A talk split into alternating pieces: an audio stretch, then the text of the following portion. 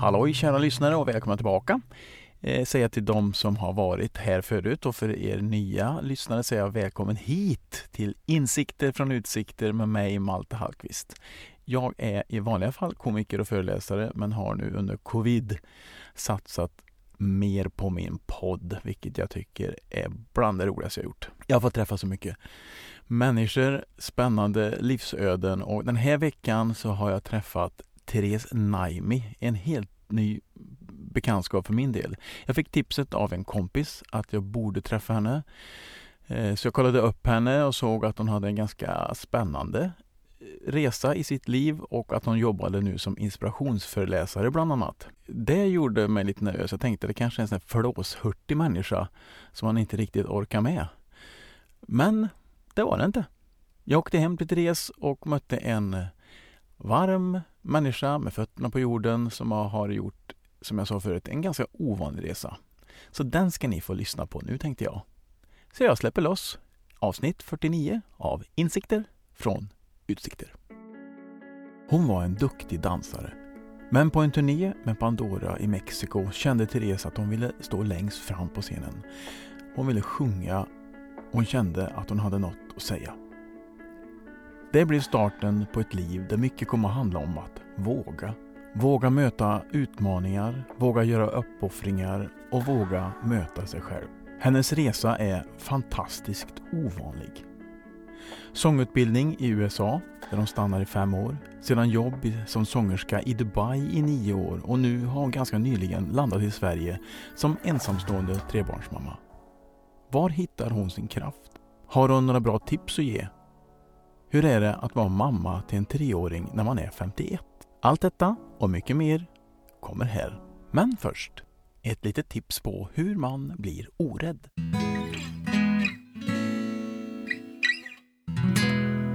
Jag det roliga är när man har varit med ett tag, man, är så här, man har varit med om allt. Alltså inte, inte att det skulle vara något konstigt, men, men att man är så här, jag blir, jag blir aldrig stressad liksom. Nej, vad skönt. Ja!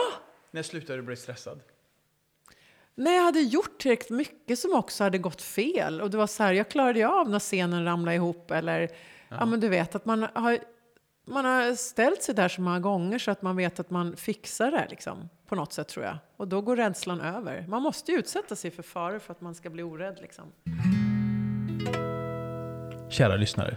Hjärtligt välkomna till ett nytt avsnitt av Insikter från utsikter. Och här sitter jag hemma hos Therese Naimi och det är hundar och det är barn och det är liv, vilket jag uppskattar stort.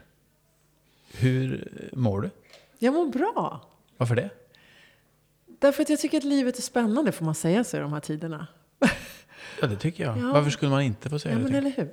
Nej, men jag tycker verkligen att det är det är en annorlunda tid, vilket också liksom lämnar utrymme för nya erfarenheter. Så mm. jag tycker, mitt i all den här liksom kaosen som kanske ändå pågår i samhället, så tycker jag att det är en spännande tid. För att saker är lite annorlunda. Mm. Vad gör du för spännande grejer nu då? Alltså jag, jag brukar säga att 2020 var ett... Många, när nyårsafton kom så var det många som kunde säga att vi, vi kastar bort 2020 liksom som ett... Det var inget bra år. Vi kastar bort nyckeln och nu blir det ett nytt år. Men då vet jag att jag tänkte att, att det är en synd att kasta bort ett år. För tänk alla de som inte har det där extra året. Mm.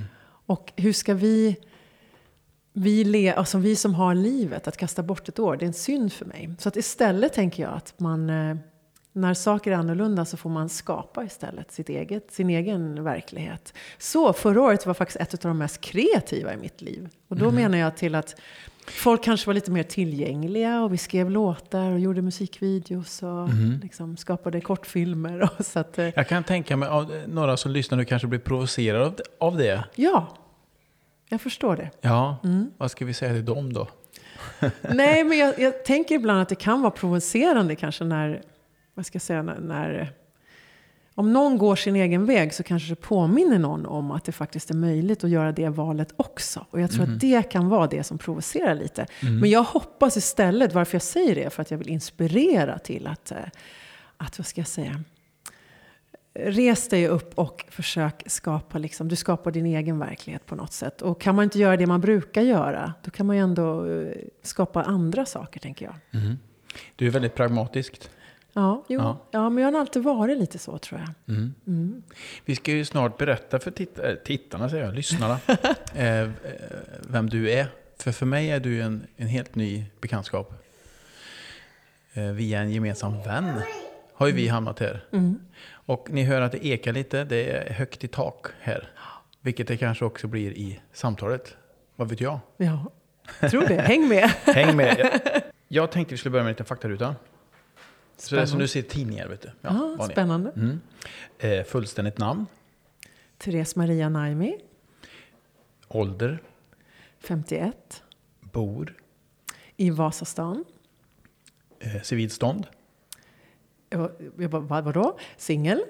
Ensamstående? Vad, Trebarnsmamma? vad hann du tänka där? Ja, civilstånd. Ja, ja, nej, jag vet faktiskt inte. det var så officiellt. Eh, Jag brukar inte säga singel, jag brukar faktiskt säga ensamstående trebarnsmamma. Brukar jag säga. Ja, och då fick vi ju bild av familjen också. Mm. Ja, Tre barn. Exakt. Hobby, Oj, det är så mycket egentligen. Alltså musiken, konsten, eh, att få inspirera mina barn, familj, vänner, blommor. Det är mycket faktiskt, skulle jag säga. Äter helst, Åh, jag sa till min son häromdagen att jag älskar thaimat. Det gör jag Mm. verkligen. Åh, sån här, kok, sån här kokosmjölkssoppa. Mm. Ja, med curry. Det gör jag. Men annars är jag då... eh, Jag är också halvlibanes, så att libanesisk mat älskar jag med sig. Och, men annars är det mycket husmanskost. Mm. Ja. dricker helst. Morotsjuice! Oj, Ja! det lät nyttigt. Ja, men det är en av mina absoluta favoriter. Oj. Varje dag. Och eh, ingefärsshots kör jag varje dag. Jag har faktiskt inte varit sjuk på ett år. Nu kanske jag provocerar igen. Men jag tror mycket att det har med att göra med den här ingefäran jag dricker varje Inte morgon. så att det är ett förbud att provocera. Nej, vad bra. Ja. Bra. Nej, det hjälper tror jag. Favoritmusikgenre? Ja, då skulle jag nog... Jag gillar faktiskt alltså egentligen visa. Det här, Jag gillar jazz och visa, även om jag sjunger mycket pop egentligen. Men, men jag, jag tycker om den fria sångstilen när man får... När man verkligen, vad ska jag säga, kan vila i det man sjunger utan att följa ett beat egentligen. Om jag ska välja. Mm. Mm, och det kommer väl annars från är din jazzen och musik visan. väldigt svängig tycker jag. Ja, Alltså, ja, ja, eh, Bra, ja. riktigt bra. Ja, men tack. Men jag har inte hört så mycket visa av dig än. Det kanske Nej. kommer. Ja, men lite. Men jag, jag tänker också jazzen, för den är ganska Mm. fri. Att man Mm. får dra åt liksom, lite olika håll och sådär. Så att, eh, ja. Där tog faktarutan slut kan man säga. Är det så? Ja, är vi klara nu? tack ska du ha för idag. Tack Nej, idag. eh, jag tänkte... eh, Alltså... Jag har provat ditt namn på många, eller många, men några stycken av mina vänner och sådär. Eh, Det är alltid intressant att se om det, om det är någon som känner igen. Men du är lite ny i Sverige, även om du har varit artist väldigt, väldigt länge. Mm, mm. Så jag tänkte vi tar det från början. Ja. 8 februari 1970, Mm. då föds du. Då föds jag i eh, Enskede. Just. Eh, Som jag brukar kalla det, villa-idyllen i gamla Enskede. Ja. Vet du vilken dag det var? Alltså veckodag? En söndag. Ja! Ja, söndagsbarn faktiskt. Det var Mm. Är det det. bra? Jag har ingen aning. Jag har hört att det är bra. Varför vet jag inte. Men det kanske är det där att lite helgdag då liksom och lite Ja. extra special. Jag vet inte. Men jag fick tidigt höra att jag faktiskt var ett söndagsbarn. Så det är Mm. intressant. Jag har inte tänkt på på alla må- Bättre, många än, år. bättre än ett måndagsexemplar. Ja, eh, exakt. Ja. Så jag tänker. Enskede. Mm. Eh, Min eh, pappa hade kommit från Libanon Mm. eh, 63 till Sverige som turist, som eh, 20-åring. Han ville, som, jag som 20-åring, han ville se mer av världen egentligen. Du kallar honom, jag har ju läst på lite, för Tom Jones. Ja. För att, Därför att musiken var liksom så nära till hands hela min uppväxt. Det var alltid hög musik på hemma och pappa var han var ju liksom en danskung skulle jag säga. Jag brukar kalla honom Tom Jones för att han ofta spelade Green Green Grass of Home och It's Not Unusual, alla de här låtarna. Mm. Liksom, det var eh, Bee Gees och, Men det var högt i tak och det var mycket musik. Och jag brukar säga att jag lärde mig dansa innan jag kunde gå. Och så Mm. var det nog faktiskt. Så att därifrån kom liksom min musiken för mig. Inte genom sången men genom dansen. och din mamma hade inget med det? Nej, hon Nej. var, jag tycker det är så roligt för pappa kom från en by som heter Kosaibe i Libanon, uppe i, liksom i, eh, i bergen. Och mamma kom från Kvarnholmen i Stockholm, så är född Nilsson. Så att det var, och de möttes på gondolen i Stockholm. Pappa var snygg eh, libanesisk stallion liksom. Och Mm, mamma, Jag såg ju bild på honom ja, förut. Det är lite Tom Jones. Ja men det är lite det, eller hur? absolut. Och mamma var yppig, platinablond liksom, med så Mm. här page, jättevacker också. Så de träffades på gondolen i Stockholm 69. Och sen så kom jag 70, ja ni förstår ju. Jag var till och med med på bröllopet, så jag tror inte att jag var helt planerad, men eh, ja, ack så välkommen vad jag förstår. Jaha. Mm. Och jag har läst att det var, det var, det var liksom populärt att hänga hos er. Ja, Att det var, vad var det, vad, vad, men det hände, var- vad hände hos er? Ja, men jag tror att det var just det där att pappa... Nu säger jag pappa, mamma gjorde mycket fint också, men just det här lite, som jag säger, högt i tak. Att musiken spelade, pappa kunde skoja med mina kompisar, man visste aldrig riktigt vad han skulle göra. Du vet, han stod plötsligt och dansade mitt bland kompisarna där, eller han grillade hamburgare eller lagade libanesiskt. Eller liksom. Så det, var, det var en härlig stämning skulle jag säga i huset och folk kände sig välkomna. Liksom, och, och sådär. Så, att, mm, så det jag menar med, med just eh, högt i tak. Ja, Mm. för att någonstans i det där så blev det någon avundsjuka. Att Ja. de, du blev ett mobbningsoffer. Ja, det skulle jag säga. Ja, vad hände? Eh, nej men jag, tänk, jag kommer ihåg, eh, som liten så är det ju viktigt liksom att höra till. Och jag kommer ihåg att jag brukar säga att mitt hår är som en röd tråd lite genom mitt liv. Nu ser du att jag har längre hår eh, än de fle- flesta idag kanske. Här. Det ser ju inte lyssnarna. Men, men jag kommer ihåg att, att som liten så var det så viktigt för mig att, att ha det där långa håret. Och jag hade, just då hade jag ganska kort, de här svarta korkskruvslockarna jag hade. Och jag kommer ihåg att jag stod varje morgon och drog i de här lockarna för att jag ville ha sån här perfekt Pernilla Wahlgren-hår. Liksom, Ah. Som du vet så här, Piccadilly Circus liksom, som låg. Och ju mer jag drog i mitt hår, ju mer gick det av. Liksom, för att, eh, ju mer jag försökte vara som alla andra, ju kortare hår fick jag. Okej, men vad var Ja, varför och då- de dig? Ja, och då kom jag ihåg att igen det här att det var så viktigt att höra till. Och eh, en dag så var det en av de populäraste tjejerna i klassen då som ville leka med, med mig. Eh, Hon med det här Pernilla Wahlgren-håret.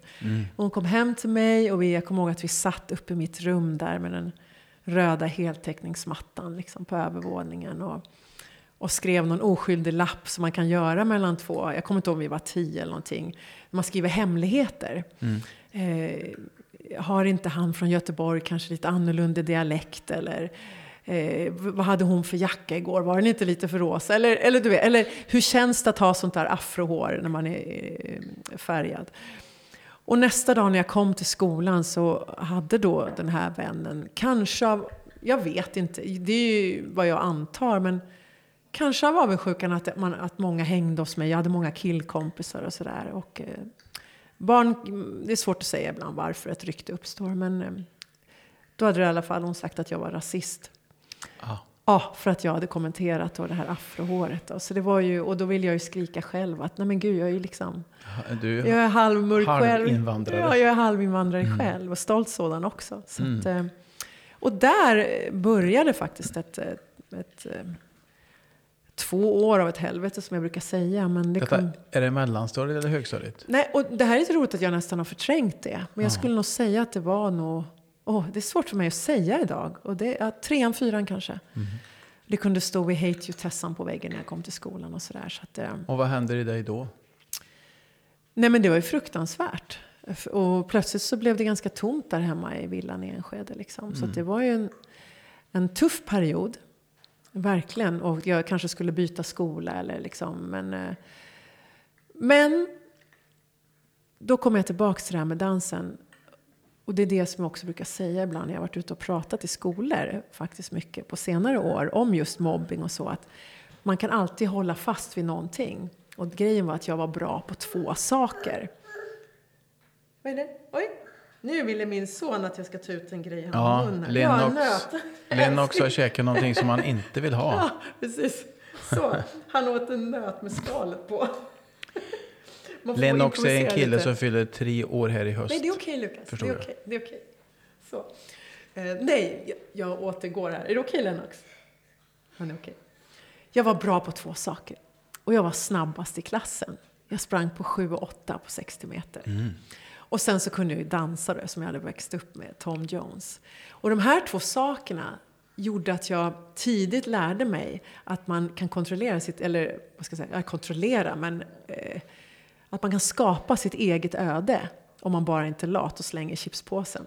Så att hur mycket det än blåste liksom i, i skolan och folk retade och så. När jag var nere på Ensjö IP på gympalektionen och sprang om de flesta på 60 meter. Mm. Då var det ingen som kunde säga något för ett resultat, det pratar för sig själv. Och det var en otroligt eh, bra sak att lära sig som en tioåring. Liksom, att jag kunde skapa mitt eget öde Just om jag bara inte var lat.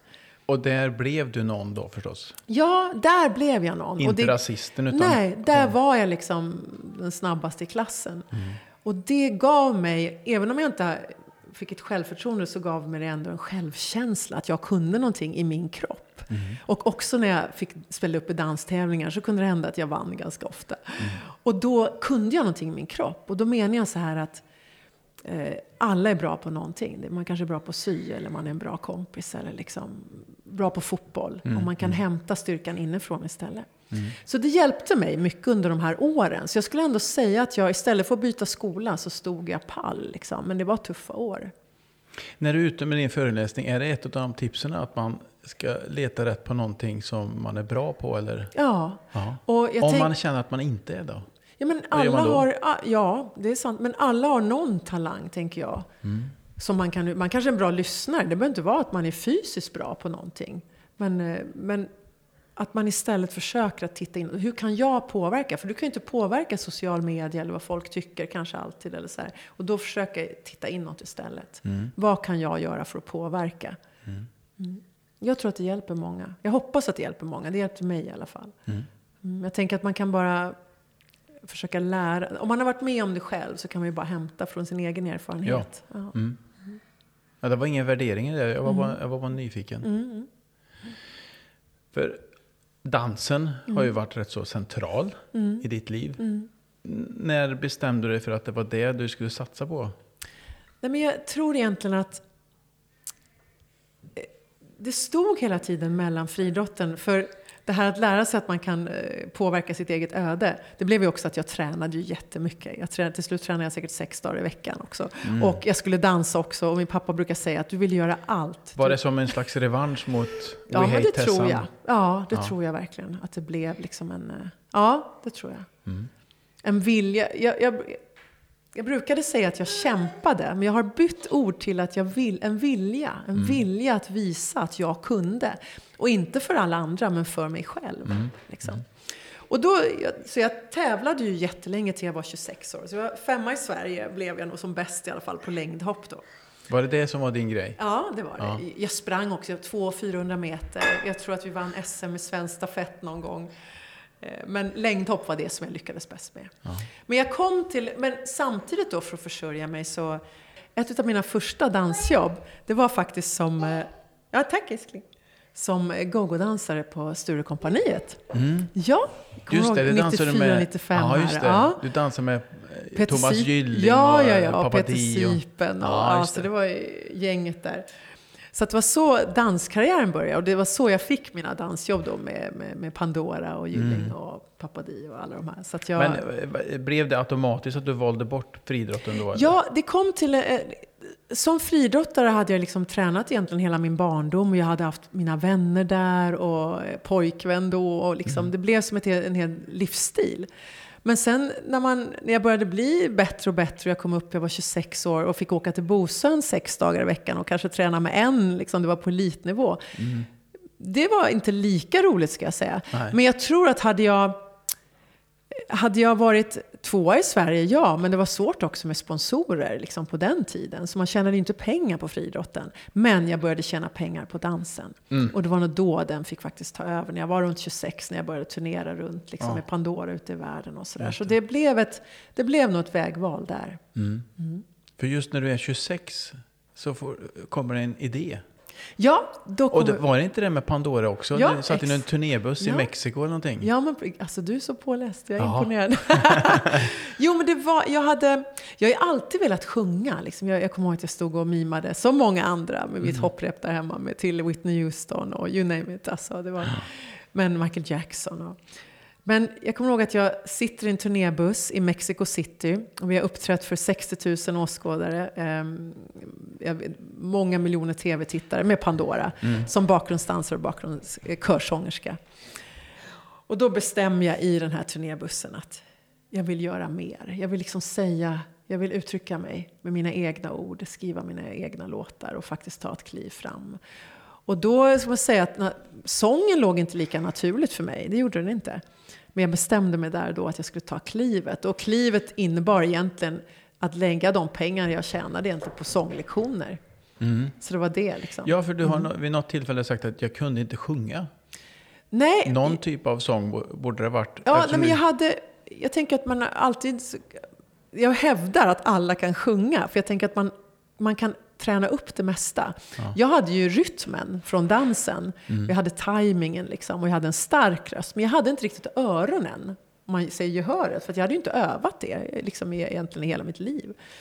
Men ja, igen det här med att vilja mycket i livet. Så det var ju liksom öva. Jag kommer ihåg att jag jobbade extra på Hotell Malmen i Stockholm. Bara jobbade på nätterna. Och den här, jag vet inte om du kommer ihåg McAllen, den här pianobaren som fanns. Nej. nej, nej, men det, det var lät som fall. en gammal eh, amerikansk serie. Ja, ja lite. Ja. Nästan. Men Scandic Malmen hade en pianobar där det satt en kille och spelade och kunde spela alla de här låtarna som folk, folk sjöng med och sådär. Ja. Jag tänkte så här, det där ska jag göra en dag. Men när han i alla fall hade gått hem, de hade stängt halv fyra på morgonen, jag jobbade nattpasset till sju då smög jag in där och så stod jag där liksom i den här stängda baren och sjöng skalor mellan fyra och sex. Helt otrö otröttlig liksom. Mm. Varje natt nästan. Men, spelar du piano också? Nej, det gör jag inte tyvärr. Nej. Nej. Gitarr? Som Äl liten gjorde jag det. Ja, som det är sång som är ditt instrument? Ja, ja absolut. Mm. Så att, eh, mm. Ja, och då eh, la du pengar. Du var i LA eller vart, vart ja, hamnade du? Ja, men eh, jag...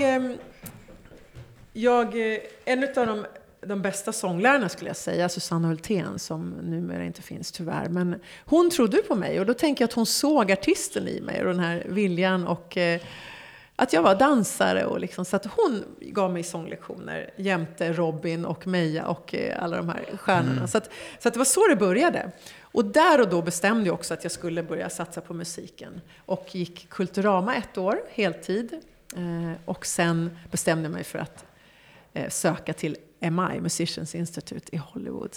Mm. Men då hade jag, du ska veta också att jag bodde i en fyra på Södermalm och jag hade ett tioårigt förhållande och liksom dansjobb. Och många sa, du kan ju inte åka nu liksom. Och jag var 29 år, så jag var ju lite mm. äldre liksom också. Ja.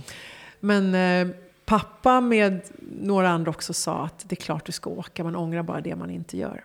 Mm. Så att som 29, jag, kommer ihåg att jag sökte in till skolan lite i smyg sådär, och så tänkte jag att jag kommer nog inte in. Men så kom jag in som 29-åring. Men du fick bryta upp med han killen eller vad? Då bröt jag upp. Så att, ja. Eller nej, jag bröt, nej, vi sa så här och han var, han var mycket klok. Eh, han sa, man kan inte stoppa någon från att göra sin dröm. Man måste släppa den man älskar fri. Så vi var tillsammans ett år egentligen. Men sen så... Det var fint sagt. Det var jättefint.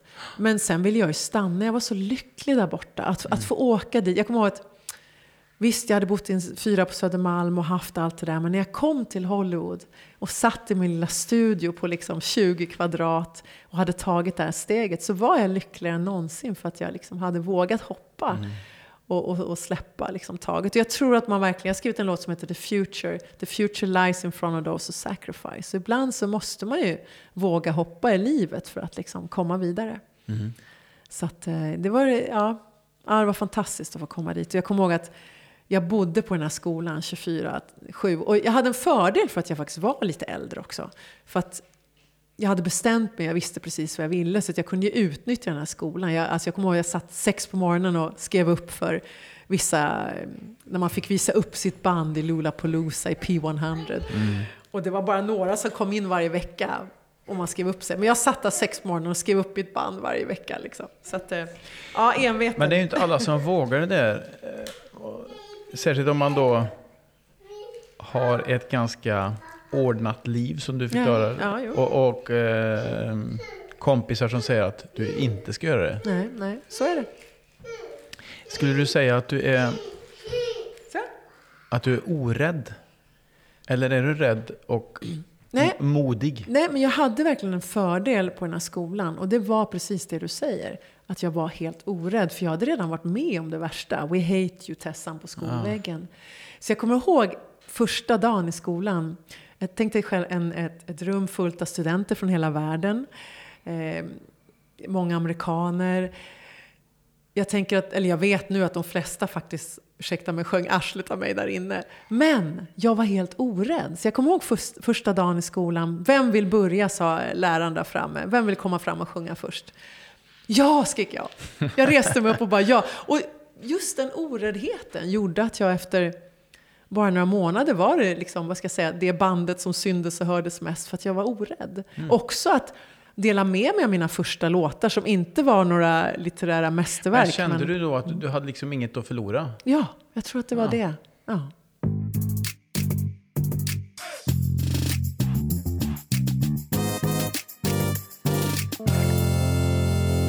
Sponsorsnack. Att det är viktigt att vara rädd om hälsan är nog något vi alla kan skriva under på. Jag tror de flesta har en ganska bra uppfattning om vad god hälsa är. Men företagshälsa, den är lite luddig i kanten den. Lite lös i köttet kan man säga. Företagshälsa handlar ju inte om företaget egentligen, utan om personalens hälsa. Och samtidigt så hänger det ihop. För mår personalen bra så har man god företagshälsa. Hänger ni med? På ett företag kan det vara en ganska stöddig uppgift att styra upp hälsan på sin egna personal. Man har liksom annat att pyssla med, typ sköta företaget. Men då finns Klara hälsan i Karlstad, förstår ni. Ett nytänkande, engagerat gäng som satsar stenhårt på hållbara medarbetare. Vilket gött uttryck. Hållbara medarbetare. Man kan alltså som företag vända sig till Klara hälsan för att klara hälsan. Det är ju toppklass ju. De kan ta tag i arbetsmiljön eller jobba med rehabilitering eller andra insatser som främjar god hälsa och förebygger ohälsa. Visst låter det bra? Så ta kontakt med Klara Hälsan i Karlstad så kommer ditt företag att bli hälsosamt och framgångsrikt. Klara Hälsan håller företagen friska.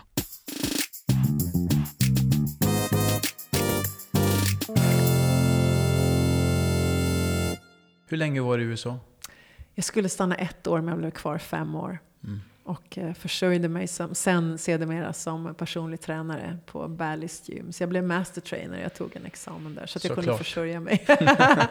ja, du vet. Jag, och så jobbade jag sen för skolan för att få dit flera svenska studenter och sådär. Så att det var okay.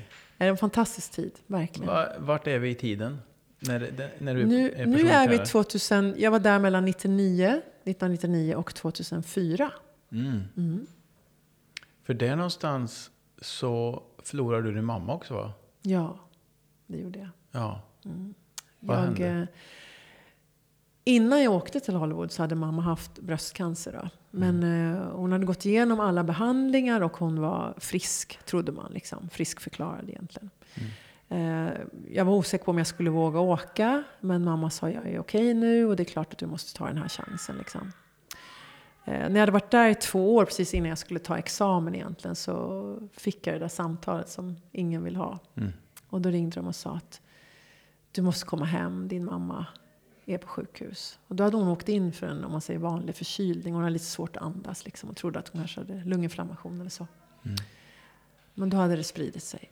Så, um, jag är glad att jag förstod allvaret och att jag åkte hem på en gång. Och vi fick två veckor på sjukhuset. Så mm. snabbt gick det.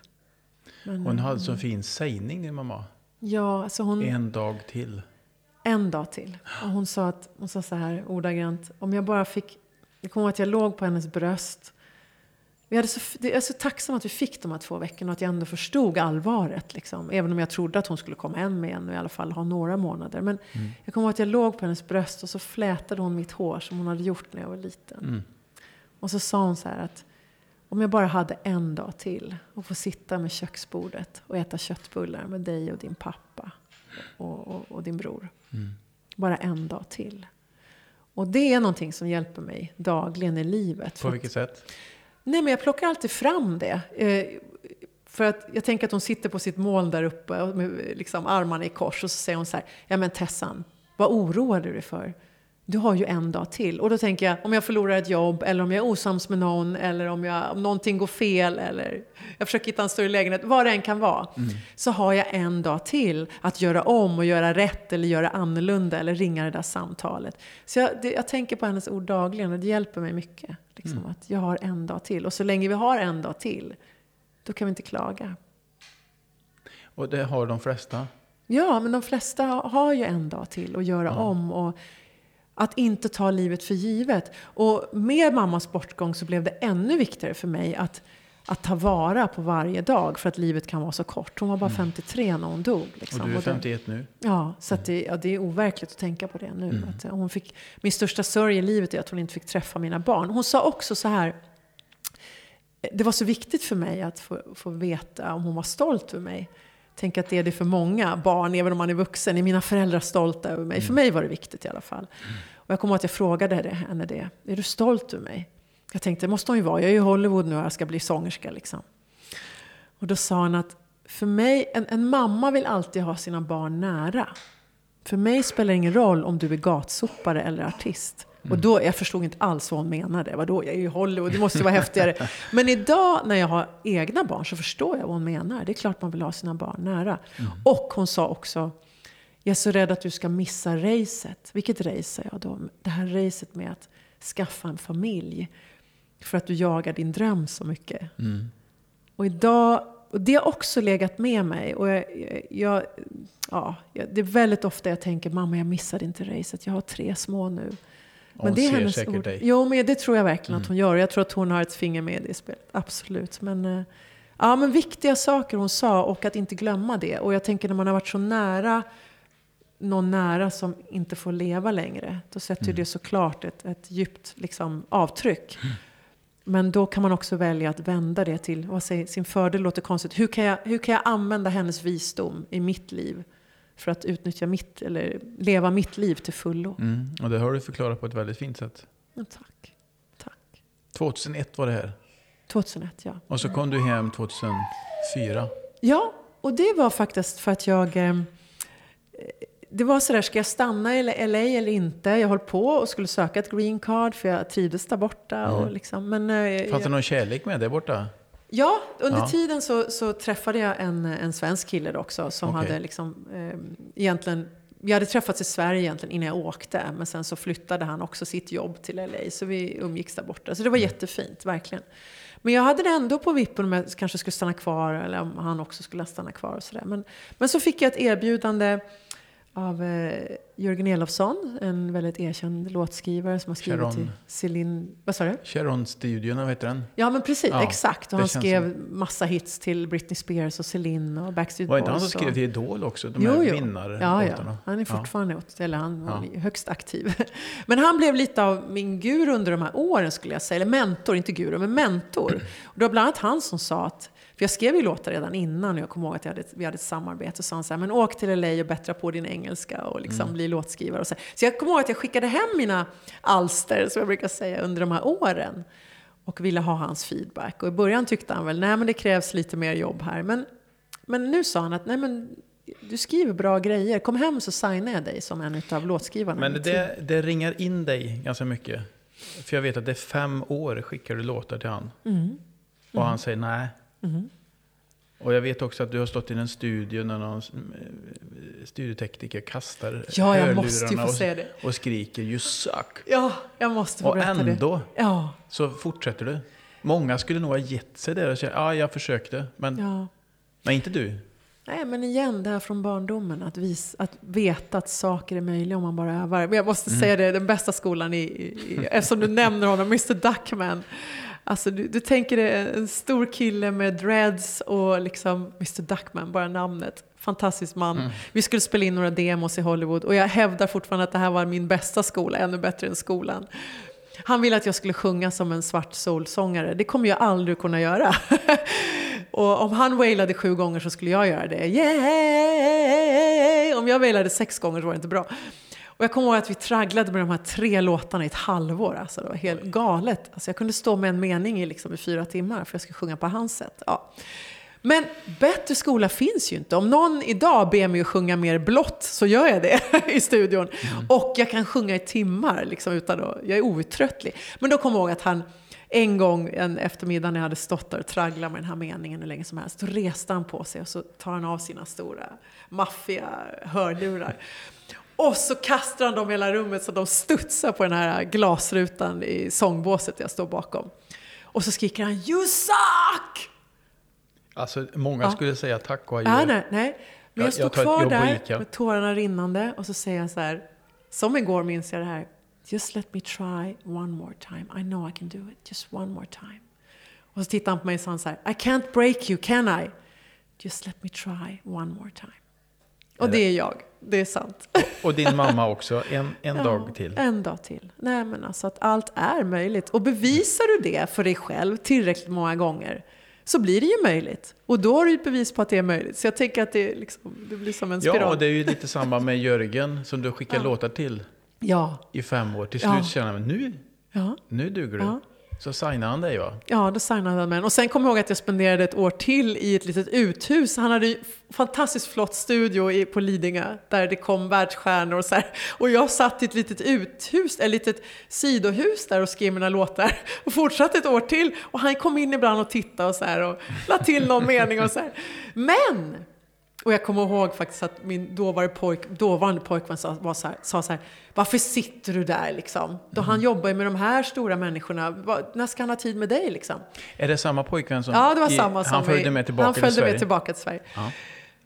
Men det var det här, nej, men om jag finns på plats och visar att jag vill så kommer det komma ett ögonblick. Och min första platta skapades ju faktiskt med de låtskrivare som jobbade med honom sen. Mm. Så, att jag, så att det gav resultat ska jag säga. Men jag vill också nämna att det här med eh, jantelag och grejer. För att när jag, det är lite roligt, när jag var liten så var jag i Tessan. När jag flyttade till Los Angeles så blev jag Therese. Mm. Therese. Och det blev nog lite att jag bytte identitet från att ha varit för mig själv den här tjejen som trodde att jag inte kunde sjunga till att jag kom till LA och blev Therese och jag skrev på engelska och liksom jag tror att jag kanske gömde mig lite bakom det också, att det blir inte lika läskigt liksom. Och jag, mm. Men när jag klev in där på Arlanda igen, när jag åkte tillbaka efter fem år, då drabbades jag verkligen, kunde verkligen ta på det, den här att nej men inte kan väl jag sjunga bara för att jag kom till Sverige. Det kändes så och det satt ju mm. hos mig, inte för att någon annan sa det, men känslan själv. Lite grann som när man kommer tillbaka till en, en klassträff. Ja, men eller hur? går in i sin ja, gamla roll. Ja, men verkligen. Så är man fortfarande ja. åtta år och liksom korkskruvarna. Ja. Äh, och då kommer jag ihåg att jag skrev en av mina första låtar som heter Color of Love. The color of love uh, lies in front of you, liksom mm. inside of you. Att du är the color of love.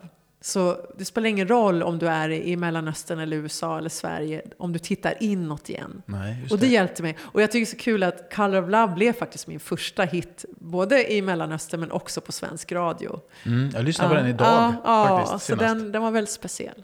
ja, för det är ju lite intressant hur du lyckades komma till Mellanöstern via någon slags kusinträff. Ja! ja, men jag upprepar ju saker, men det var nog igen den här oräddheten. Jag kom tillbaks och satt där i Jörgens hus och skrev låtar och sådär, mm. 2004.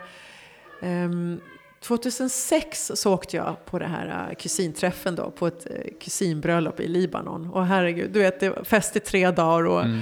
Som en liten detalj kan jag säga att jag hade köpt en klänning och när jag kom ner till Libanon så sa mina kusiner, har du bara en klänning? Du måste ha en klänning för varje dag. Ja, du fattar. Olika skor. Ja, du vet, det är liksom galet. Men, men då hade jag faktiskt med min första platta som släpptes 2006, Livin, som var låtar som The Future, The Color of Love, första låten jag skrev från min pojkväns, dåvarande, första pojkvän jag eh, stack till LA, How mm. could you leave me, från hans perspektiv. Den hamnade faktiskt i en film sen, en Regina Lund-film. Okay. Ja, jag vet. Jättekul. Nej, men den innehöll alla de här eh, How could I, Here to stay, de här låtarna som jag hade skrivit med killarna då, Mattias Wenge och Peter Wennerberg som jag hade träffats hos, hos uh, Jörgen Elofsson bland mm. annat. Mm. Axel, Axel Belinder och jag hade skrivit Color of Love. Anyway, den var min första platta och tog med mig den till eh, Libanon. Och vågade då den här oräddheten att våga fråga. Är det någon som, lite naivt egentligen, men jag har alltid tänkt att naivt låter kanske konstigt, men jag tycker att det är ett fint ord. För naiv innebär också för mig att man vågar fråga utan liksom att ha några rädslor. Mm. Mm. Ja, men det var det jag var inne på ja. förut, att du kanske inte är modig, utan du är orädd. Ja, ja, men mer så. Ja. Absolut, absolut. Du behöver inte gå förbi någon rädsla, utan den, den finns inte. Ja, för igen, det värsta är redan här. Vad, vad kan jag få? Ett nej? Eller Mm. vad, vad ska hända? Liksom? Så att jag frågade och till slut så var det ju då någon kusins pojkväns eh, kusin som kände eh, Eddie Bostani då som jobbade på Universal Middle East. Och eh, jag fick komma in på hans kontor och spela upp de här Here to Stay. Och då hade jag ju en fördel och jag hade ju varit lite smartare, smart också där att jag insåg att vad kan få mig att stå ut lite? Jo, det är den här Mellanöstern-flavor som är då också halvlibanes. Så att jag hade ju implementerat det, eller det är ett svårt ord. I alla fall, det var mycket flavor av Mellanöstern i många av mina låtar. Och det gjorde ju att faktiskt han sa också, som du vet tjuren Ferdinand på julafton, när jag klev in där på kontoret, henne ska vi ha, splendido, bravissimo, Ah. bravissimo.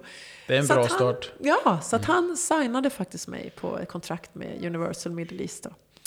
Och För sen hamnar du i, i Dubai tack vare det. Ja, jag har faktiskt en, en saying då som jag brukar prata om i mina föreläsningar. Sometimes you just have to show up, you don't have to know why. Mm, just det. Och då gjorde jag, blev jag tillfrågad att gö- att göra koreografi för en ny grupp som hette What's Up. Och då var Erik Sade, Robin Stjernberg och två killar till. Och då gjorde det att jag hamnade på en mejllista med ett skivbolag. Eh, och de fick en förfrågan från, från Dubai faktiskt, från en svensk eh, VD på ett av de stora hotellen i Dubai. Hur allting hänger ihop. Och skickade då ett mejl till det här skivbolaget. Om han hade googlat den här GM, den här general manager. Han hade bara googlat, ja ett skivbolag. Och så frågat dem, vet ni någon artist som skulle vilja jobba i artist på lyxhotell och sjunga på lyxhotell? Och för att jag hade hamnat på den här mejllistan genom WhatsApp-gruppen och sådär då, så fick jag det här mejlet. Och det var i, precis i samma veva som jag hade signat med Universal, Universal Middle East. Först, och då stod det så här, är det någon som vill då jobba på det här lyxhotellet och sjunga varje dag i pianobaren? Hur allting kommer ihop. Kommer du ihåg att jag nämnde att min dröm att faktiskt få sitta i en pianobar och sjunga alla de här låtarna? Från Scandic Malmen Från till Scandic Malmen. Dubai. Ja. Och först hade jag faktiskt avfärdat det här mejlet lite för jag tänkte då igen, nu har jag ju en ny pojkvän, jag har två chihuahuor, jag kan ju inte bryta upp igen. För kontraktet sa du måste vara borta ett halvår varje år, Mm. varje höst kan man säga, efter Ramadan. Liksom. Men det där fick gro lite och så började den här Sometimes you just have to show up, you don't have to know why. Men gud, det är ju mitt gig. Det är ju mitt gig. Det är det här jag ska göra. Vad sa din pojkvän då? då? Ehm, ja, precis. Vem ska Och ta hand dina, om hundarna? och, och dina vänner? Ja, precis, mina vänner. Jo, nej men... Ja, han tyckte väl inte att det var jättekul så. Men, men också så hade han ju lärt känna vem jag är. Liksom, Mm. att, jag, att jag hoppar i livet. Och han fick väl hänga på lite då. då liksom. Så att, eh, nej, men det var ändå ett, ett lättare hopp skulle jag säga. Även om jag först tvekade såklart. Ehm, Men... eh, ja, Mm. är det jag fick 2000? den. Nu pratar vi 2007. Ja. 2007. Och jag fick giget och det var ju mycket på grund av tror jag, att jag faktiskt, mina låtar hade ju börjat spelas i Mellanöstern. Så allting hängde ju ihop i och med Mm. att jag hade signat dem Universal. Så att det var en fantastisk eh, möjlighet. Och här på följde nio år i Dubai. Och det var här, då eller? ja, jag var borta ett halvår varje år i nio år. Från 2007 till 2015. Och under den här tiden så, först och främst, jag hävdar att för att bli riktigt bra på någonting, och det har de flesta säkert hört, så måste man göra sina 10 000 det. timmar. Och det här, det här var när jag gjorde mina 10 000 timmar. Ja, Idag, det var ganska många pass. 4 gånger 45 varje Oj, oj, kväll. jag eh, sjöng eh, fyra gånger 45 minuter, sex kvällar i veckan i sex månader. Men den repertoaren jag byggde, ja, tufft. ja, men repertoaren, idag sjunger jag liksom 500 covers och då menar jag allt från eh, Sade till Nora Jones till Elvis till Bing Mm. Crosby till... Och där igen hade jag nytta av mina år i i Los Angeles för där fick jag prova alla stilar. Det var jazz, det var pop, det var rock, det var liksom... Mm. Och nu fick jag prova de här stilarna och göra mina 10 000 timmar. Så du har liksom utbildat dig i Dubai kan man säga? Absolut. Samtidigt som jag kunde vara på plats för att bygga min karriär. Så att jag fick ju... Jag spelade snart på radio där borta. Jag fick göra... Jag fick uppträda för, eh, på statsbesöken. Jag blev, fick ett samarbete med svenska ambassaden. Så när Victoria kom dit eller vår svenska kung kom dit så sjöng jag för dem. Eller jag sjöng duett med Randy Jackson. Jag sjöng på eh, varenda featureartist på deras Watson Awards fyra år i rad. Det är som våran Grammis, en artist. De bytte inte? Nej. Ja, för att här sitter ju nu Lennox, men du fick ju eh, faktiskt både Lukas och Nicky under tiden du gjorde det här. Ja. Ehm, Det är ju bra gjort. ja, men det var också det här... Alltså jag, alltså, Men det är, det är med Chihuahua-killen va? ja, ja, precis. Ja. Och då kommer vi tillbaka till det här att jag brinner ju för att visa att saker är möjliga. Liksom. Mammas ord igen, att inte missa racet. Jag, höll ju på, jag var ju 37 när jag började man säger, karriären borta i Mellanöstern. Eh, och vi hade varit tillsammans i många år och jag kände att liksom, åren går. Så att, eh, ja, jag fick Lukas när jag var 39. Eh, otroligt tacksam. Men redan när eh, Lukas var bara ett halvår så åkte jag ju på nästa kontrakt till eh, Grekland. Och då fick han åka på? Då hakade han på. Ja, ja, Lukas var med mig. Så jag tog ett litet barn under eh, min eh, pojkvän då. Han var ju hemma och jobbade. Men, så jag tog honom under armen och så åkte vi. Och så hade jag då barnvakt på kvällen när jag sjöng. Liksom. Men hade ju fantastiska dagar med honom. Så att, eh, och sen gjorde jag samma då när jag fick Nicky.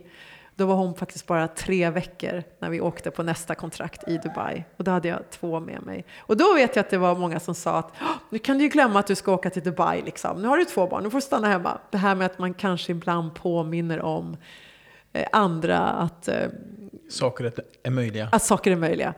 Men då, då sporrar det bara mig ännu mer. Det är klart att jag ska visa att det här är möjligt. Och det var det ju. Jag hade ju världens bästa att liksom faktiskt sjunga på ett fantastiskt hotell och ha hela dagarna med barnen. För sen när Lukas ska börja skolan så då kommer du tillbaks. Ja, men då, precis, då kände jag ändå att vi, det hade varit fantastiska år i Dubai. Jag är otroligt tacksam för dem. Men så kände jag att nu kanske det är dags att landa ändå. Eftersom vi hade varit lite i våran bubbla. Vi var sex månader där, sex månader hemma. Liksom så här. Även om jag älskade det. Så kände jag när han började nollan att nu är det nog dags att komma hem och landa. Det fanns ett alternativ också att stanna och faktiskt Ja, flytta det. mer dit och att man kunde gå svenska skolan Hur nära var det? Ja, men det, eftersom jag hade byggt så mycket där borta så var det, nej men det var nog 50-50 egentligen skulle jag säga. Men jag saknar ju såklart min, min familj här hemma också. Liksom, och, ja, så, att, eh, nej, så att det blev en, en eh, hemflytt ändå. Mm. För där någonstans så började du skriva texter på svenska också.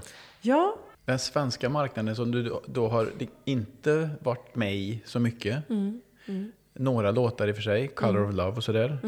Men i och med att du försvann till Dubai, vad, vad satsar du på? Eller vad vill du?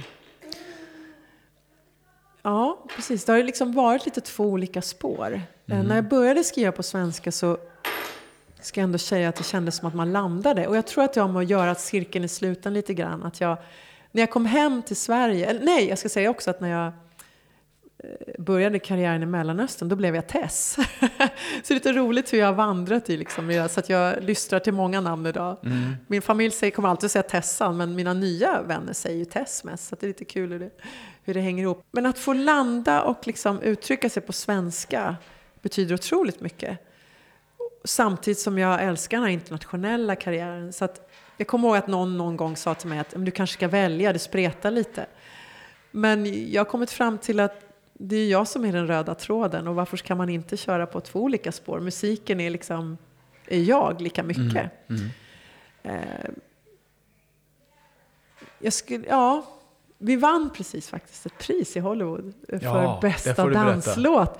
Ja. Så vad jag vill säga med det är att det är verkligen två olika spår. Ehm, men ändå hänger de ihop på något sätt. Mm. Och det är klart att jag vill att min musik på svenska ska spridas mer här hemma också. Och det hoppas jag att den kommer att göra mer och mer, ju mer när vi har landat här nu och att liksom håller oss mer på hemmaplan. Mm, så att det hoppas jag absolut. Men du får berätta, du var nästan lite blygsam här. Det är ju ett jättepris du har vunnit. Ja, men ja, är det, ja, det är så kul. Det här är en att visa att det är möjligt som trebarnsmamma i Vasastan att vinna bästa låt. Eh, bästa låt i danskategorin i Hollywood och genom Hollywood Och Music. musikfilm va? Var det inte så? Nej, Hollywood Music in Media Awards. Nej, så det är inte musik. Nej, okej. nej, nej. Nej, Det, det, men den fattat fel. galan heter det. Och det, det är eh, tävlande som Justin Timberlake och Diane Warren och alla de här. Och så det, sopar du hem med ja, bästa ja, dansmusik. så roligt. Mina damer och herrar, det har äntligen blivit dags, inte bara för mitt och Maltes favoritmoment här i programmet i podcasten, utan jag gissar för er allas. Det har blivit dags för Tombolan! Då Tess, Tessan, Therese, Exakt. Theresia. Theresia, Mm. den var ny du. Ja. eh, tombolan. Ja. Eh, Det står en stor grön jättesak här framför mig. Mm.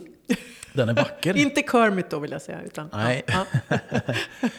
Det ligger lite existentiella frågor i här. Okej. Det kan vara 40, 50 kanske. Några har jag skrivit själv, några jag har snott, några har några gäster skrivit. Vad spännande. Mm. Så att, eh, jag tänker vi tar några stycken, en i taget. Så Mm. du snurrar och stoppar in handen så får vi se vad som händer. Okej, det är inget läskigt där i nu. Du säger stoppa Jaha. in handen. Nej, det är, Det är inte här- Robinson här nu. Nej. Nej, okej, bra. Det är inte Fångarna på fortet. Okej, då har jag snurrat här nu för att blanda lite i de här lapparna. Nu öppnar vi här. Den är otroligt fin den här. Det här är en riktig gedigen tombola. Okej, vi har en lapp. Oj, berätta om ett ärr du har och hur du fick det. Ja, Den var ny för mig också. ja. Ja, kul. Men det första som jag kom på, jag har nog varit, jag har inte så jättemånga här, och det, det är ju, men, men ett har jag. Och det är, jag utbild, det har jag faktiskt inte nämnt, jag utbildade mig faktiskt till frisör också. Det var det, ja, Jag ville komma in på friidrottsgymnasiet, jag ville komma in på dansgymnasiet. Det kom jag inte in på, men jag kom in på mitt tredjehandsval, vilket var frisörlinjen. Ja. Jag, ja, jag ville nog egentligen aldrig riktigt bli frisör, men min mamma och pappa tyckte att det är bra att man har ett yrke i sina händer. Och det har de faktiskt rätt i. Så att idag kan jag klippa vänner och sådär. Liksom, det är som att cykla, om man har lärt sig att klippa kan man göra det. Men jag kommer ihåg en gång när jag skulle faktiskt åka och klippa någon antar jag. Och jag satte mig i bilen och jag kan inte ha varit mer än när gick jag frisörskolan? Ja men gymnasiet, ja men 20 kanske. Något sånt. Så hade jag lagt den här frisörsaxen som jag så fin hade fått. Så det stod Therese på ena bladet och sådär. Den var så vacker i guld och sådär. Så kommer jag att jag har lagt den i min ryggsäck. Och sen sätter jag mig i framsätet i bilen och ska köra. Och känner att jag får någonting i ryggen. Ja. Nu gick inte den in så jättelångt då den här saxen. Men jag kommer ihåg att jag faktiskt i ländryggen fick ett litet jack. Ja. Så jag spetsade mig själv lite där på den här saxen. Så det är ett litet ärr jag har. Ja. Det kommer ju fram något nytt där. Frisör hade jag inte hittat. Nej, jag och det gjort- har jag nog faktiskt aldrig berättat den där storyn för någon. Tombolan är bra tycker det är jag. spännande. Nu tror jag det blivit lite haveri här, att det har åkt ur massa lappar. Men, eh, Okej. men då tar du en där bara. Okej, då är det en som har kommit ut av sig självt här. Nu stänger vi den här. Vad skulle du vilja våga göra? Oj, det var en bra... Det var en bra fråga. Till dig speciellt känner jag som, Ja, nej men verkligen. som Eftersom är jag, orädd. eftersom jag, ja, precis. Någonting som jag, jag vet inte om jag skulle våga göra det egentligen. Men någonting som skrämmer mig ändå är ju att hoppa fallskärm. Alltså, säger jag som då har hoppat faktiskt, eh, vad heter det, bungee jump på Gärdet 90 meter över luften. Oj. Slängt mig ut liksom när jag var 25. Det kunde jag sluta riktigt illa. Ja. Efteråt undrar jag lite hur, hur jag vågar göra det. Men, men bara tanken på att faktiskt kasta mig ut från ett flygplan gör mig helt svettig. Men, Men du skulle vilja våga? Ja, ja, jo, för att jag, ja, absolut. För att jag tror att det är en fantastisk upplevelse. Och jag kommer ihåg att min pianist när vi var i Dubai gjorde ett sånt här skydive och fick en sån häftig video när han flyger upp i luften. Och då tänkte jag att, wow, men jag tror att jag jag säger inte att han inte gör det, men jag älskar livet så mycket. Alltså, förstår du? mig? Och det gör väl många. Men, så att jag, där känner jag att jag skulle inte våga riska att det händer någonting. Förstår du vad jag menar? Så där har jag en jag spärr. håller Alltså. det helt i hand där. Ja, det, är för, det- det är för stor insats. Ja, det är för stor insats. Och jag skulle inte göra ett bungee jump idag. Jag var ung och dum kanske. Men i alla fall, men jag har gjort det. Det är jag stolt över. Jo, men så det skulle jag nog kanske vilja våga göra för att Kicken eller? jag tror bara för att jag egentligen har gjort och för den, den känslan av liksom att... Eh, men, men det är inget som jag liksom har på min to-do-list eller någonting sånt där. Men Nej. det är det första som jag kommer på. Mm. Mm. Ehm, mm. Ja. Vi tar en till. Mm.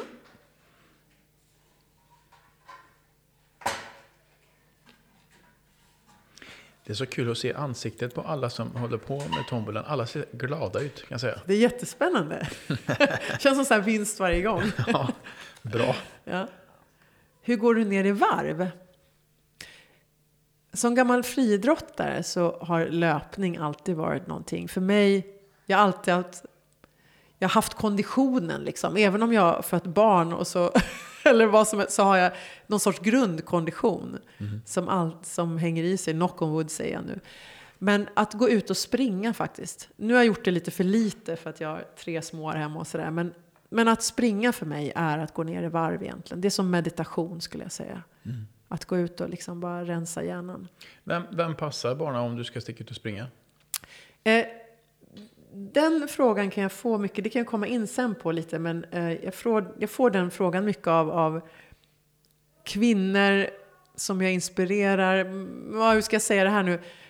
Jag inspirerar mycket. Jag har ett, ett, som konsult också ett, ett arbete där jag eh, inspirerar andra kvinnor att våga faktiskt skaffa, i barnfrågan, att skaffa barn själv, som jag är ett levande exempel på det med tre. Och då kan de fråga mig precis den där frågan, bland annat. Hur gör du när du är själv med tre barn? Och inte har en partner naturligt vid din sida? Ja, det var Och- ingen värdering, utan jag menar Nej, nej, nej. en nej men, och då ska, praktisk, hur- ja, men precis. Och då ska jag komma till det. Att när man, när man är liksom ensamstående så tvingas man ju också be om hjälp. Eller tvingas. Man, ja, Mm. Det låter som ett dåligt ord, men man, det blir att man frågar om hjälp. Vilket gör också att man skapar, eller jag har skapat en extended family som jag säger. Vilket gör att vi har mycket vänner runt oss som också älskar barnen. Mm. Och liksom, vi umgås med andra familjer och det blir naturligt. Liksom. Jag har, pratar med grannar, min lilla brukar gå in till grannen ibland. Så, här, så att, för jag älskar ju liksom det här sociala och människor runt mig. Så att jag har ganska många olika options om jag ska gå ut och springa på vänner som och hjälper låter konstigt men som faktiskt kommer för att de tycker om att vara med barnen. Liksom. Eller att barnen är hos kompisar en dag eller, eller jag kanske passar på när han är på dagis. Eller liksom. Så att man, man får bli uppfinningsrik. Kan vi ta en sista? Ja, jag trodde aldrig du skulle säga det. kan hålla på hela natten. Hur mycket tid har ni? Jag, jag ska ingenstans. Vilken är den vackraste plats du besökt? Alltså jag brukar säga att jag har liksom kärleksplatser i mitt liv. Jag kan inte säga en. Men vackraste plats jag besökt. Gamla Enskede för mig är liksom... Det är idyllen. Det, det är liksom på landet men mitt i stan. Och där jag växte upp liksom, med alla minnen. Och, så jag skulle säga att det är, liksom, det är ankaret. Och, och att pappa fortfarande bor kvar i vårt barndomshus är ju liksom, det är ankaret. Eh, det är en plats. Nummer två är hjärtat av Hollywood. Och nu när du säger vackraste platser, då kanske det inte är, Hollywood är inte den vackraste platsen på Nej, jorden. jag har varit där. Ja. Det var inte vackert. Nej, men för mig, Hollywood Biltmore, det lilla lägenhetshotell, lägenheter liksom, där Marilyn Monroe har simmat i bassängen och där jag hade min lilla studio liksom i, i fem år, jag bytte upp till en tvåa sen. Det är för mig en, en av de vackraste platserna för att jag fick blomma där. Jag fick göra min dröm där. Liksom. För mig, det sitter ju i betraktarens ögon liksom, hur, vad som är vackert. Och för mig att utvecklas och få göra sin dröm, det är vackert. Då är platsen vacker. Liksom. Och sen måste jag också nämna Libanon. Såklart byn där pappa kommer ifrån. Den här lilla byn med liksom sed, sed, cederträden och eh, eh, pappas bror på altanen. Liksom, eh, mata kycklingarna där och liksom Libanon. Ja, fantastiskt. Och sen Dubai. Och då tänker jag framförallt på ehm, Ja, men Jebel Ali Golf Resort and Spa där jag har liksom, mina små barn har växt upp och jag har fått göra mina 10 000 timmar. Så det, det är de.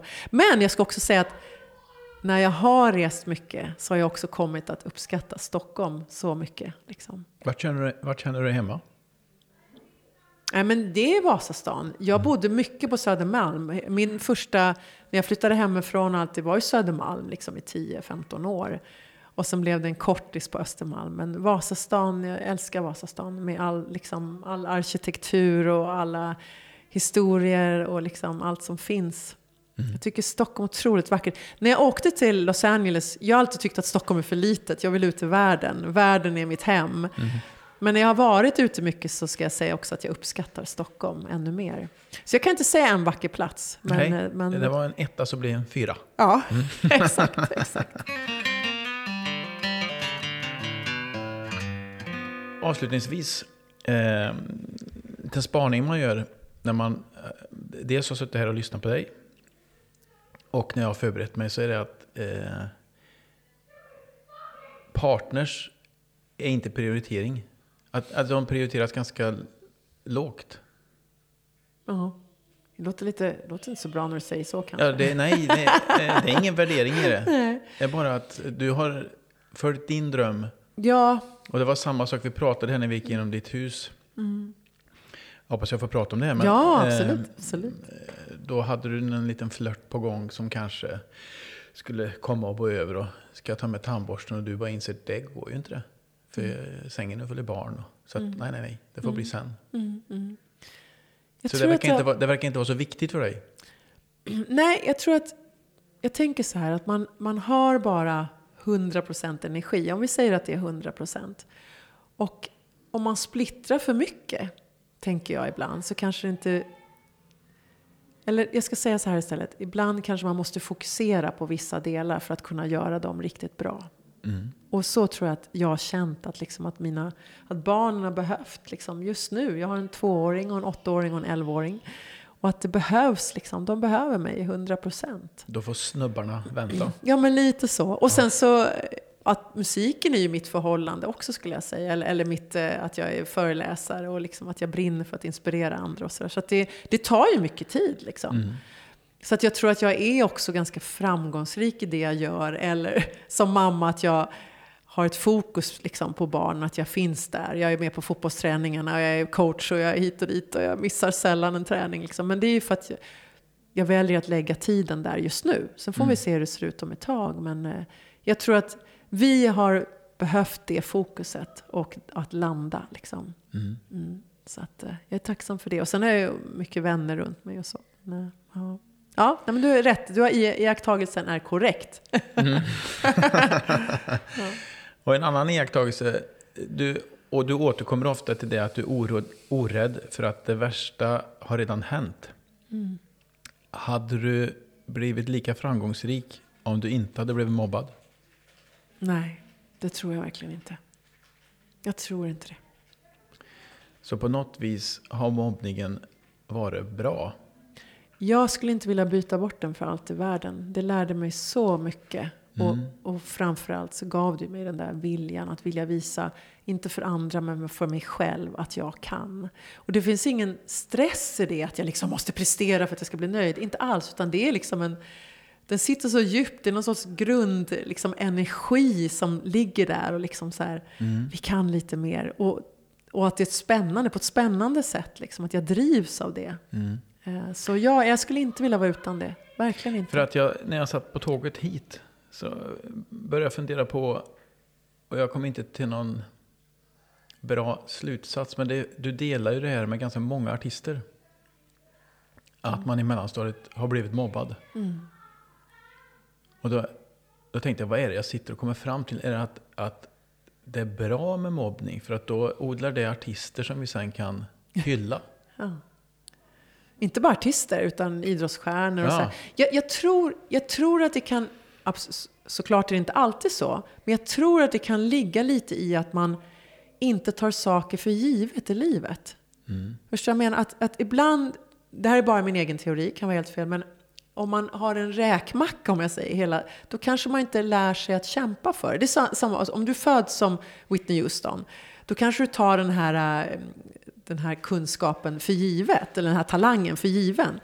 Och, och så utvecklar du inte den vidare, för den finns ju där, den är inte så spännande liksom. Och jag tänker mig att, men möt, stöter du på en motgång när du måste bevisa motsatsen, då, ta, då, då tar man inte saker för givet. Och det gör att man får någon sorts liksom jäklar anamma, om vi ska kalla det det. Ja, jag tror det. Att bevisa att, att jag kan minsann. Liksom. Men det är ju en viss typ av människor också. För det är inte alla som blir mobbade som blir artister. En Nej. Del, en del går det riktigt dåligt för. Ja, och, och det är det jag menar också, att det kan ju gå åt båda hållen. Men att man... Det här med att, och det är det jag föreläser om, att man är i kontroll av sitt eget öde. Det beror på hur man vänder på det. Man kunde ju också gått åt helskotta. Att jag liksom, mitt, mitt självförtroende hade brutits helt och förstår jag mig, jag kan ingenting. Visst kan det gå åt det hållet också. Och det är därför jag vill, jag har varit ute med länsmusiken i skolan och så här, för att jag vill plocka upp de ungdomarna som kanske är precis där. Vilket håll ska vi gå? Jo men titta inåt istället. Vad de än tycker om dig så kan du plocka fram, vad kan du? Alla kan någonting, jag hävdar det absolut. Alla har en talang liksom på något sätt. Och att plocka fram den. Och jag tror att det är en brytpunkt där. Liksom, hur, vilket håll det går. Liksom. Så att, jätteviktigt att försöka titta inåt istället. Inte det lätt, men om jag kan med min historia, kan hon så kan jag. Om jag bara kan få några att känna så, så är det liksom mitt mission i livet känner jag. Det, ja, och det här att titta inåt, det är...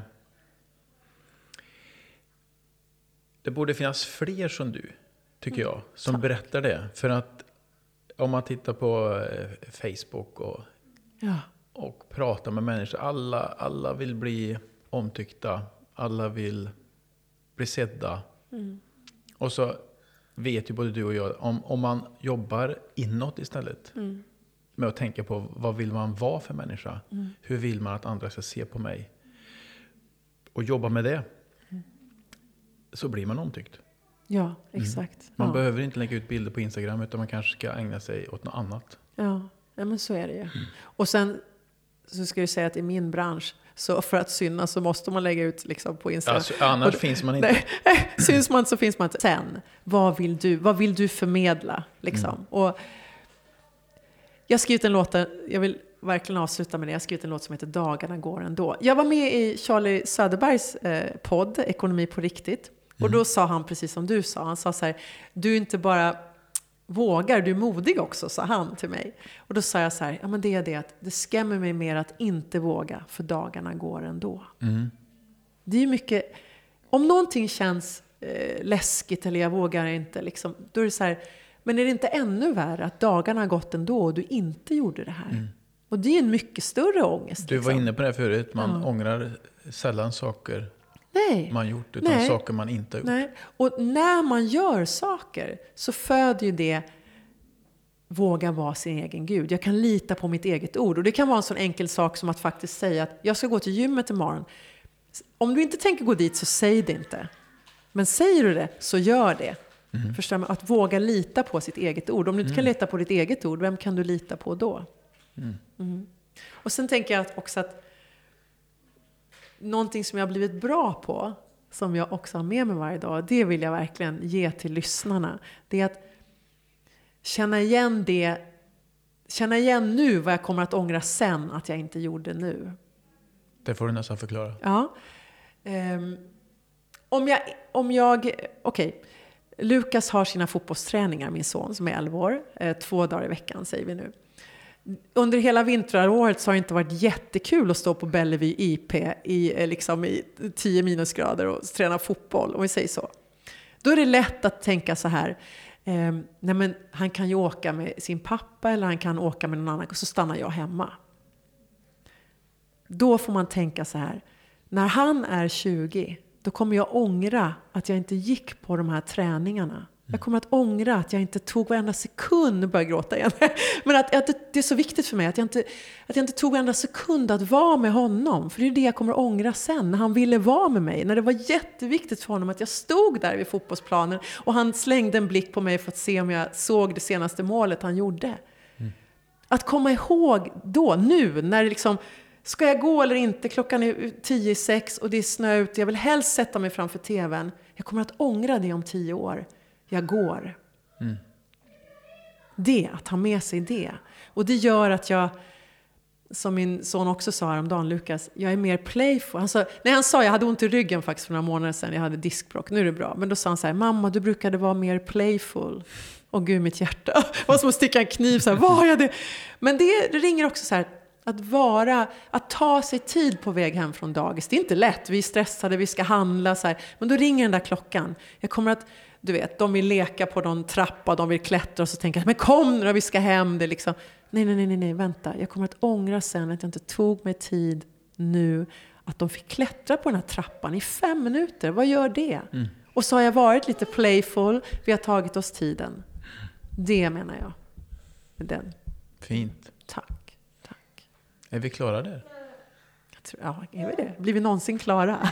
jag hoppas inte det. Men just för nu, ja, ja. Absolut. Tack för att jag fick komma hit och sitta i ditt fantastiska vardagsrum. Bland vackra blommor och lekande barn och hundar. Och... Ja, tack för att du kom.